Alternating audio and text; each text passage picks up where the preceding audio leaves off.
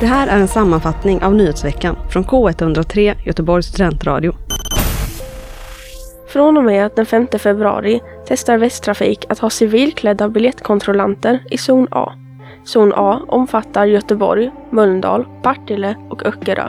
De civilklädda kontrollanterna kommer att vara ett komplement till de uniformerade som funnits sedan tidigare. Detta kommer att införas under ungefär sex månader enligt TT. Orsaken bakom de civila biljettkontrollerna är att Västtrafik vill minska plankandet och därmed öka sina biljettintäkter.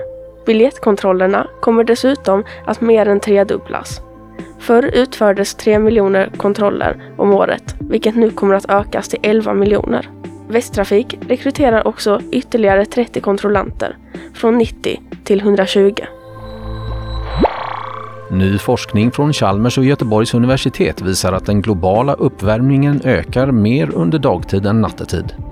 Detta innebär att temperaturskillnaden mellan dag och natt blir allt större, vilket i sin tur kommer att påverka allt liv på jorden. En trolig förklaring till den ökade uppvärmningen dagtid är ett fenomen som kallas för global upplysning, vilket innebär att molntäcket har minskat.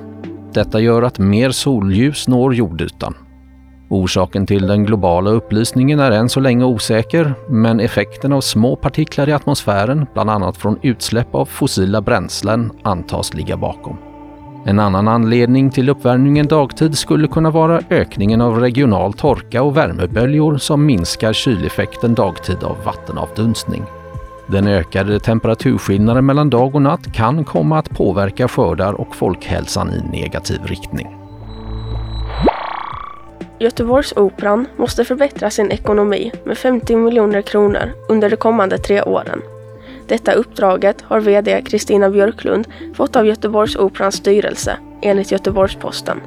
Förra året kunde SVT rapportera om att operan förväntades gå 11 miljoner kronor i back.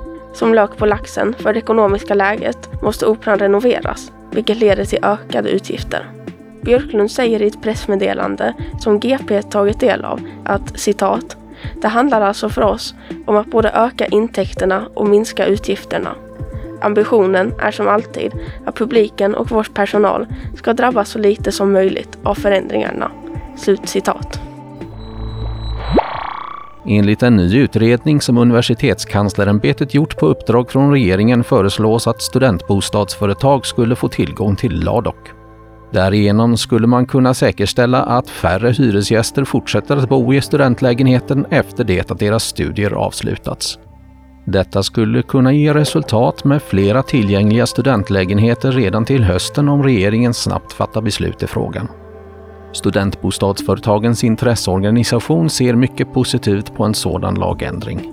I nuläget går kontrollerna långsamt eftersom de utförs manuellt, vilket är tidskrävande. Tipsa oss om nyheter på info.k103.se.